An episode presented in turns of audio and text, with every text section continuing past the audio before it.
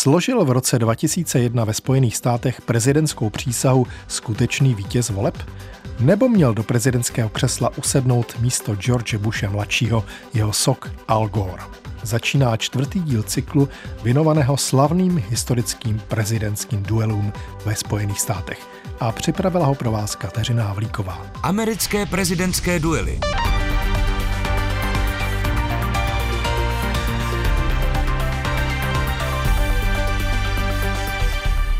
We have a place, all of us, in a long story, a story we continue.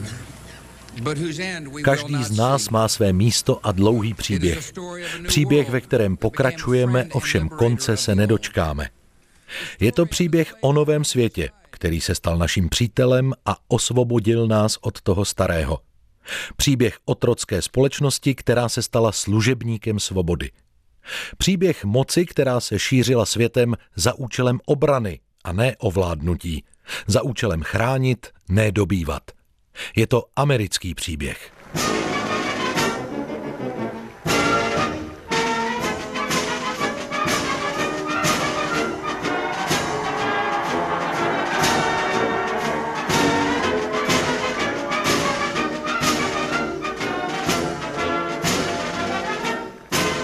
Inauguračním ceremoniálem a proslovem 20. ledna 2001 se uzavřela jedna dlouhá a velmi sporná kapitola amerických novodobých dějin – prezidentských voleb 2000. Voleb, které jako teprve čtvrté v celé americké historii nevyhrál držitel většiny volebních hlasů. Na jejich počátku se dvěma nejsilnějšími kandidáty stali republikánský guvernér státu Texas George W. Bush a washingtonský viceprezident Al Gore – O tom, kdo vlastně byli tito dva rivalové, už vypráví amerikanista Filozofické fakulty Univerzity Karlovy Krištof Kozák. Kdybych měl začít od George W. Bushe, tak jako jeho hlavní kvalifikací tehdy v roce 2000 bylo, že byl synem předcházejícího prezidenta Herberta Volkera Bushe, to znamená, že pocházel vlastně z politického klanu ale zároveň ta jeho kvalifikace z hlediska zkušeností, tak byl tehdy guvernérem státu Texas, eh, což je poměrně významná funkce. Texas je největší americký stát, to znamená, že on jako nějaké zkušenosti s vládnutím z této doby a z tohoto místa vlastně měl. Al Gore byl viceprezidentem Billa Clintona vlastně po obě volební období a je zajímavé, že Bill Clinton si ho jako vybral i přesto, že si byli vlastně v něčem podobní, že oba dva pocházeli z amerického jihu eh, a oba dva prostě sdíleli jako podobné myšlenky, mířili na podobné voliče, a což v americké politice takové té prezidentské není nutně obvyklé, jo, že ten viceprezident se občas jakoby vybírá tak, aby právě to fungovalo do toho tandemu, aby jako ta dvojice přitáhla co nejvíc hlasů. Když se na to byla Clintona ptali, proč si vybral teda Ala Gora, když jsou si vlastně tak podobní, tak jim jednoduše odpověděl, no taky bych třeba mohl umřít. A byl by v podstatě rád, kdyby se stal tím prezidentem. Vlastně řekl, že má ty všechny jako kvalifikace pro to, aby se mohl stát případně americkým prezidentem. Na jedné straně napravený abstinující rebel z mládí, který v dospělosti opět našel víru v Boha. Na straně druhé konzervativnější intelektuál bez jakéhokoliv škraloupu z mládí. A tak nějak i působili ve své kampani. George Bush byl ten lidovější, Al Gore ten vážnější. George W. Bush jako dokázal vytvářet minimálně tu image toho, že je ten lidovější prezident. V porovnání s tím Alem Gorem dokázal působit dojmem, že rozumí těm obyčejným lidem, jo, včetně těch prostě fotek eh, v té nějaké červené kostkované košili, prostě s pivem na baru, se baví s těmi voliči. Jo. Kdežto Al Gore měl problém nějakým způsobem jako vytvářet dojem, že on je taky jako jeden člověk z toho lidu. Taky samozřejmě se snažil vyfotit v červené kostkované košili s pivem na baru. U něj to nějakým způsobem jako bylo méně uvěřitelné právě proto, že působil tím jako chytřejším dojmem. Jo. To prostě to je taková tragédie té americké politiky, že když působíte moc chytře, tak vás to vlastně u některých voličů vám to body nepřidává. Nástup nového milénia byl vrcholem americké prosperity. Přestože obraz Billa Clintona, co by prezidenta, vážně poznamenal skandál se stážistkou Monikou Levinskou, křeslo nejmocnějšího muže Spojených států opouštěl jako úspěšný ekonom, pod jehož vládou země disponovala značným rozpočtovým přebytkem – A ten se také stal jedním z témat volební kampaně. Jak s ekonomickým růstem naložit? George Bush navrhoval dál pokračovat v politice škrtů, kterou započal Bill Clinton. Dalším návrhem pak bylo snížit daně. A to všem, jak říká politolog Roman Joch. To znamená i bohatým. No a protože bohatší platili vyšší daně, tak samozřejmě to znamenalo v těch absolutních částkách větší snížení daní bohatým, ale žádný republikánský politik už teď neudělá takovou chybu, že řekne, já snížím daně jenom bohatým. Vždycky, vždycky každý zdůrazňuje, já snížím daně úplně všem. Krištof Kozák k tomu dodává. Slyšelo na to spousta chudých lidí, kterým připadalo, jo, to je jako výborná myšlenka, budeme mít všichni nižší daně ten jeho ekonomický program je vlastně velmi poškodil, protože došlo k největšímu snížení daní té nejbohatší skupiny. George W. Bush ještě přišel s takovou doktrínou, anglicky se tomu říká compassionate conservatism, je to takový jako soucitný konzervatismus, který nebyl úplně nutně proti poskytování sociálních služeb a nicméně to neměl dělat stát. Stát měl vytvářet podmínky pro to, aby se ty sociální problémy řešily buď nějaké neziskové organizace, nebo dokonce samozřejmě náboženské. Takže nebyl vlastně proti tomu, ale odmítal, aby stát na tyto věci dával peníze. A to je v poměrně velkém kontrastu k Al Gorovi, který právě tyto otázky chápal jako otázku jasně prostě veřejného zájmu, která je potřeba řešit efektivně. On vymyslel, nebo ten jeho slavný termín z těch debat je přesně eh, ne small government eh, jako malá vláda, ale smart government, jako by chytrá vláda. Kampaň dosavadního Clintonova viceprezidenta Ala Gora byla mnohem komplexnější a velký důraz kladla i na ekologii.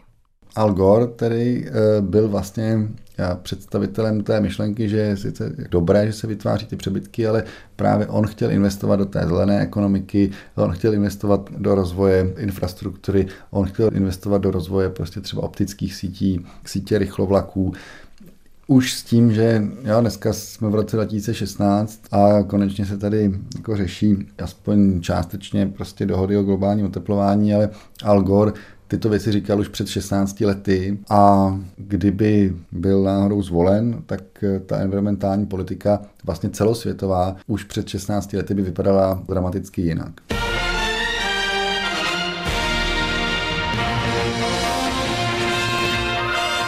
From NBC News, Decision 2000, the presidential debates. From the University of Massachusetts in Boston, První prezidentská debata se uskutečnila 4. října v Bostonu a na obrazovkách ji sledovalo 75 milionů diváků. Oba do ní vstupovali s velmi vyrovnanými preferencemi. Záleželo tedy na tom, jak budou schopnými řečníky i kdo bude publiku sympatičtější. Debatě dominovala domácí témata. Probírali se reformy zdravotnictví a sociálního systému, daňová zátěž i školství. K největším střetům došlo při řešení rozpočtového přebytku – Vítězem debaty byl podle některých průzkumů nakonec jen s drobným náskokem zvolen Al Gore. Většina politologů a veřejnosti se však shodla na rovnocenosti obou řečníků. Ani jeden z kandidátů se nedopustil chyby, která by mohla znamenat ztrátu voličů. Všichni sledovali, jestli dokáže Al Gore setřást ten svůj v podstatě takový jako technokratický, říkalo se až jako kožený image, a dokáže se přiblížit nebo jako vygenerovat nějaké jako nadšení pro ty své myšlenky, které vlastně byly chytřejší, správnější, ale byly prezentovány takovým suchým tónem. No a šlo o to, jestli teda George W. Bush jakoby vlastně obstojí v těch eh, techničtějších, detailnějších otázkách ohledně zahraniční politiky, ohledně té, eh, ohledně té vnitřní politiky a zároveň nestratí teda nějakým způsobem tu svoji komunikační schopnost. Posloucháte prezidentské duely. Speciály Historie Plus o tom, jak se stát americkým prezidentem. Všechny díly najdete na webu plus.rozhlas.cz, v aplikaci Můj rozhlas a dalších podcastových aplikacích. Následnou druhou politickou debatu hostil stát Severní Karolína 11. října. Zatímco první debatě dominovala domácí tématika, tentokrát se probírala zahraniční politika – George Bush zastával dle republikánské izolacionistické tradice politiku nevměšování se do jiných států, zasahování do jejich vnitřních záležitostí v oblasti lidských práv a státního zřízení kritizoval, jak říká Roman Joch. George W. Bush kandidoval jako ten, kdo říkal, já budu mít tu skromnější zahraniční politiku, já nebudu tolik intervenovat ve světě. Nakonec samozřejmě po 11. září je George W. Bush příkladem toho člověka, který má velice intervencionistickou politiku ve světě a chce měnit pořádky ve světě. Bush také veřejně kritizoval Clintonovu a tedy i Górovu intervenci na Balkáně. Více už Krištof Kozák. Je zajímavé, že Bill Clinton a v podstatě tedy Al Gore jako součást jeho administrativy, tak byli kritizováni za to, že se jako příliš snaží angažovat to mezinárodní dění a zejména, že se snaží, ten odborný termín, co se používá, je ten nation building. Jo. To znamená, že je to nějaká snaha přetvářet ty státy a přetvářet ten mezinárodní kontext tak, aby lépe odpovídal americkým hodnotám demokratického právního státu jako zajišťování základních lidských práv. Tehdy velká diskuze v roce 99 byl eh, konflikt v Kosovu, bombardování civilních cílů v Bělehradu za účelem teda ochrany kosovských Albánců, jo, protože jeden z těch důležitých eh, argumentů byl, eh, byla obava z nějaké masové migrace těch kosovských Albánců do Evropy a to vlastně nějakým způsobem potom jako přesvědčilo ty politiky, že je potřeba intervenovat, pokusit se nějakým způsobem ochránit té jejich zemi. To asi se dokážete tu paralelu s tou situací dnešní představit. Clinton i Gore byli jako kritizováni za tento až příliš ambiciozní přístup. Ambiciozní myšlenku, že teda ta americká vojenská moc, ta politická síla, že se má použít právě k prosazování lidských práv. Nezapomínejme, že Madeleine Albrightová byla ministrní zahraničí a byla představitelkou tohoto přístupu. K překvapení všech ale Bush během debaty ocenil pád jugoslávského prezidenta Slobodana Miloševiče, na němž se Clintonova administrativa také podílela. Mluvilo se i o Blízkém východě, situaci mezi Izraelem a Palestinou i o režimu Sadáma Husajna. Lepším dojmem tentokrát nakonec působil Bush. U Al Gora si totiž mnozí všimli, že ve snaze vyhnout se nešvaru z minulé debaty, kdy pobrukováním a grimasami dával najevo nesouhlas s výroky svého oponenta, působil tentokrát až nezúčastněně. 17. října se pak ve státě Missouri odehrála poslední ze tří debat, kdy tím útočnějším byl demokrat Gore. Otázky moderátora opět směřovaly do oblasti zdravotnictví, školství, zahraniční politiky i daní. Těsné vítězství ve třetí debatě přiřkly průzkumy tentokrát opět Alu Gorovi – ale zasáhly vůbec tyto debaty do šancí obou kandidátů do Bílého domu? To už je otázka pro Romana Jocha. Tam nebyla žádná ideologická těžká válka mezi oběma. To bylo spíše o tom, kdo je větší sympatiák, jestli je čas na změnu, eh, kdo působí přijatelněji, příjemněji, takže ty volby 2000 byly jedny z nejméně ideologicky nabitých v amerických dějinách. V následné kampani měli oba kandidáti poslední šance získat nerozhodnuté voliče na svou stranu. Během necelého měsíce, který zbýval do voleb, se začala projevovat Bushova schopnost působit lidověji. Al Gore začal podle průzkumu mírně ztrácet. Ztráty byly ale tak nízké, že výsledky byly stále těsné a jen málo kdo si troufal předvídat, kdo se stane na příští čtyři roky americkým prezidentem. Myslím si, že tam v té době plně odpovídali těm kategoriím typicky republikánský, typicky demokratický volič. To znamená Bushovi voliči jednoznačně geograficky americký jih, západ, jihozápad, Górovi demokratičtí voliči severovýchod USA a pak pobřeží západní, ty tři státy na pacifickém pobřeží. Eh, většina eh, bělochů, republikánští voliči, většina příslušníků eh, rasových a etnických menšin, demokratičtí voliči. Většina mužů volí republikány, většina žen demokraty, většina mladých svobodných žen velikánskou většinou demokraty, většina v daných žen těsnou napoloční většinou republikány. Obyvatelé velkých měst volí demokraty, obyvatelé menších městeček, předměstí a venkova spíše republikány. Čím bylo samotné datum voleb blíže, tím vyplouvaly na veřejnost i drobné přešlapy z minulosti. Například George Bush se přiznal k řízení v opilosti, jehož se dopustil jako mladík. Však také přemíra užívání alkoholu byla i důvodem k následné abstinenci. Alu Gorovi zase média připomínala jeho výrok o pomoci internetu, která následně vygradovala ve fámu, že demokratický kandidát se pasoval do role jeho vynálezce. Posloucháte pořad Historie Plus. Zlomové okamžiky dějin i historie všedního života. Premiéra v sobotu večer po půl deváté na Plusu. a potom kdykoliv v mobilní aplikaci iRádio a na webu plus rozhlas.cz. A pak nastaly samotné volby 7. listopadu, jedny z nejtěsnějších v historii USA. Po celou dobu se průzkumy různých mediálních a sociologických skupin nebyly schopné shodnout na předběžném výsledku. Až během noci, kolem druhé hodiny po půlnoci, stanice CBS oznámila. Mike, excuse me one second. I'm so sorry to interrupt you. Mike, you know I wouldn't do this if it weren't big. Florida goes for Al Gore. Zpráva Florida volila Ala Gora však byla jen předčasným odhadem, který původně stanice Fox vypustila do éteru ještě před koncem sčítání hlasů. Tak jako několikrát v minulosti vsadila na své předpovědi, ale kvůli průběžnému sčítání nakonec své prohlášení změnila. Došlo ke změně, nebo spíše my měníme své stanovisko a prohlašujeme, že výsledek na Floridě je nejasný. My i většina dalších televizních společností jsme prohlásili vítězem Al Gora. Teď se domníváme, že výsledek je nejasný. Americký volební systém je poměrně komplikovaný.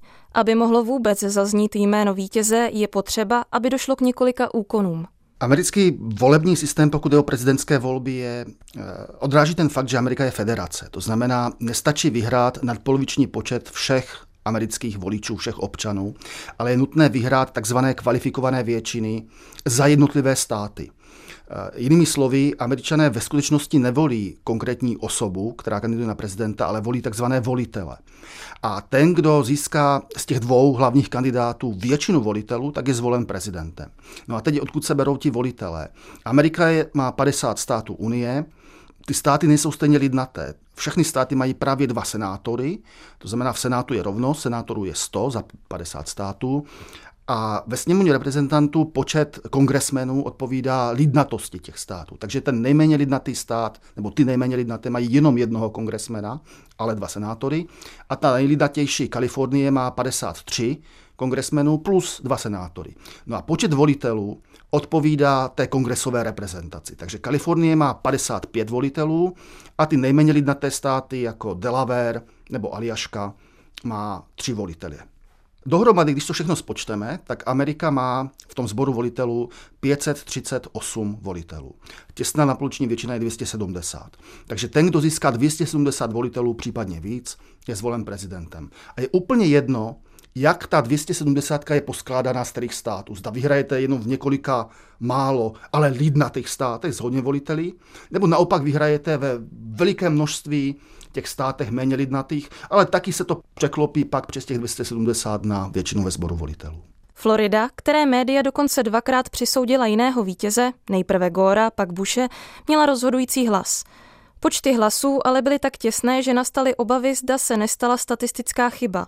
Proto došlo na přepočítávání hlasů, které ovšem neměly podobu lístků se jménem kandidáta, tak jak je tomu například v České republice, ale děrných štítků. Jsou to takzvané eh, hlasovací stroje, ve kterém každý volič jde za oponu, tam si naklepe na ten stroj, koho chce zmáčknout a pak takovou pákou eh, zatáhne v tom stroji a pak ta evidence je dvojí. Ten stroj si to má pamatovat, ten hlas, ale zároveň pro kontrolu eh, tím zatažením zapáku eh, bude propíchnut děrný štítek, který je zachován v tom stroji, případně může být pak vybrán a spočten, aby byl důkaz toho, jak kdo hlasoval. Že samozřejmě ne každému se povede za tu páku zatáhnout takovou silou, že ten štítek je totálně propíchnut.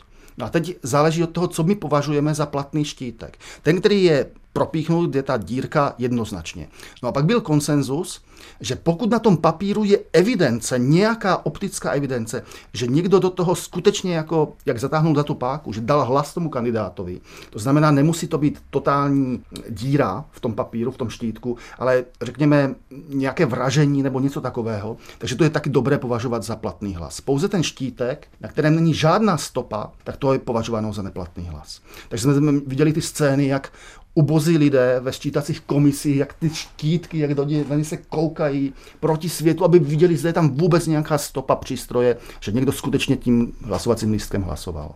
No a ještě se zjistilo, že jako ty volby organizuje v podstatě jako republikánská strana, která měla osobní vazby na celou eh, jako Bushovic jako rodin, že to bylo trochu podezřelé. Co se pak ještě stalo, a to už byla teda taková Je otázka, jestli to byl záměr nebo technická chyba. Ten volební lístek, třeba v tím Palm County, to je jako doporučuji jako na internetu si najít, jako jak ten volební lístek vypadal. Protože na levé straně byl jakoby republikánský eh, kandidáti, je jasně jméno, jméno Bushe, na druhém místě nalevo Gore Lieberman a pak, pak další. A nicméně ten lístek měl ještě pravou stranu, která nebyla zase tak dobře viditelná. A tam bylo napsáno nějaký reformní kandidát Pat Buchanan, prostě, který neměl už tehdy žádný možnost vítězství a potom nějaké další vlastně nevýznamné strany. Nicméně člověk musel jako zaškrtnout, ty boxy byly uprostřed té stránky. To znamená, že uh, když to člověk četl zleva, tak jakoby zaškrtnul ten druhý box od, od zhora, protože viděl jako první republikáni, ty nechceme, druhý, druhá možnost zleva jsou demokrati, ty chceme, zaškrtnul ten box zlevo. Nicméně ten box vlevo vlastně patřil té reformní straně, která byla na pravé straně toho lístku. Nicméně ten box pro tu pravou stranu lístku byl uprostřed. Jo, to znamená, že když jste chtěli volit ty demokraty, tak jste nezaškrtli ten druhý box, jo, ale až ten třetí. Takže to je jedna z těch věcí, se zjistilo, že v těchto těch okrscích, kde ten lístek vypadá takhle, tak ta jako reformní strana toho Peta Buchanana tam jako měla nějakou jako mysteriózně vysokou podporu. Popisuje Krištof Kozák. Nesrovnalosti pokračovaly. V některých okrscích údajně mizely v koších i lístky, které nebyly zcela proražené a z hlasy se prý manipulovalo i jinak – Volební komise, které nebyly nezávislé, byly obviněny z vyřazování hlasů proti strany. Proto Gore podal žádost o ruční přepočet hlasů v těch okrscích, které byly považované za jednoznačně demokratické. O vítězi voleb v oblasti státu Florida měl rozhodnout floridský nejvyšší soud. Pozornost celých Spojených států je upřena na nejvyšší soud státu Florida. Ten dnes zahájil řízení, které s největší pravděpodobností definitivně rozhodne o příštím prezidentovi Spojených států. Soud dnes vyslechne právní zástupce demokrata Alagora a republikána George Bushe. Z Washingtonu telefonuje Olga Krupauerová. Sedmičlený tribunál nejvyššího soudu Floridy je poslední nadějí demokrata Alagora, který se k němu odvolal proti rozhodnutí soudu nižší instance. Právní zástupci Alagora argumentují, že ob obvodní soudce Sols v rozsudku z počátku týdne pochybil, když odmítl nařídit ruční přepočítání 14 tisíc sporných volebních lístků. Gorův tým je přesvědčen, že tyto volební lístky přinesou viceprezidentovi hlasy potřebné k vítězství. Republikáni označují částečné přepočítání hlasů za nelegální a protiústavní. Sedmičlený soudní tribunál Nejvyššího soudu Floridy podle pozorovatelů inklinuje demokratickým směrem. Soud rozhodl už dříve ve prospěch Gora, když povolil prodloužit lhůtu pro pro dodání výsledku voleb. Tento rozsudek ale vrátil k revizi Nejvyšší soud Spojených států. Nakonec rozhodnutím soudu došlo k přepočítání téměř pěti milionů hlasů. Obě strany se mezi tím obvinovaly z manipulace voleb.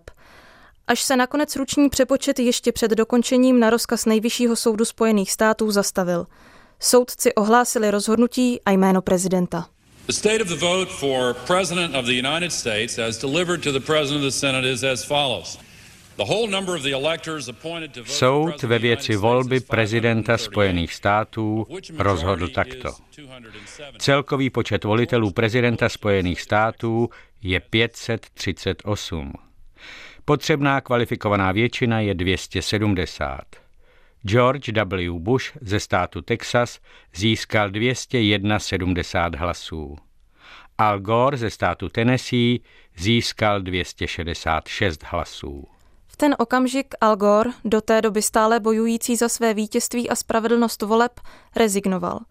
Přestože v počtu voličských hlasů předčil George Bushe o více než 300 tisíc, devítičlený soud, jehož pět členů byli republikáni, těsnou většinou rozhodl v Bushův prospěch. Gore verdikt 13. prosince 2000 přijal.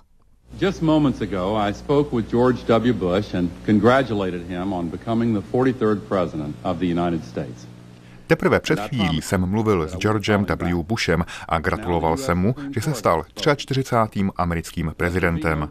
A slíbil jsem, že se nebudu odvolávat proti rozhodnutí soudu. Nechci jeho rozhodnutí spochybňovat, ale silně s ním nesouhlasím. I přesto ho ale přijímám. Dodnes se vedou přes, zda byl legitimním vítězem skutečně George W. Bush. Zda volební systém neuškodil Alu Gorovi. Jaká by byla Amerika, kdyby se jejím 43. prezidentem stal viceprezident Washingtonu a demokratický kandidát Al Gore? Jeden ze soudců nejvyššího soudu k rozhodnutí poznamenal. I když se snad nikdy nedozvíme s naprostou jistotou totožnost vítěze letošních prezidentských voleb, totožnost prohrávajícího je dokonale jasná. Je jim důvěra národa v soudce jako nestraného strážce vlády zákona.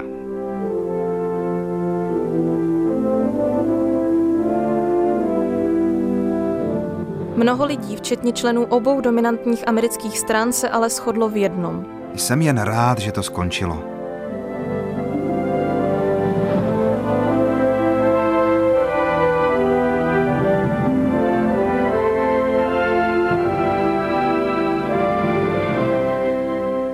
Poslouchali jste Historii Plus věnovanou americkému volebnímu duelu George W. Bushe a Ala Gora v roce 2000. Hezký den přeje Kateřina Havlíková.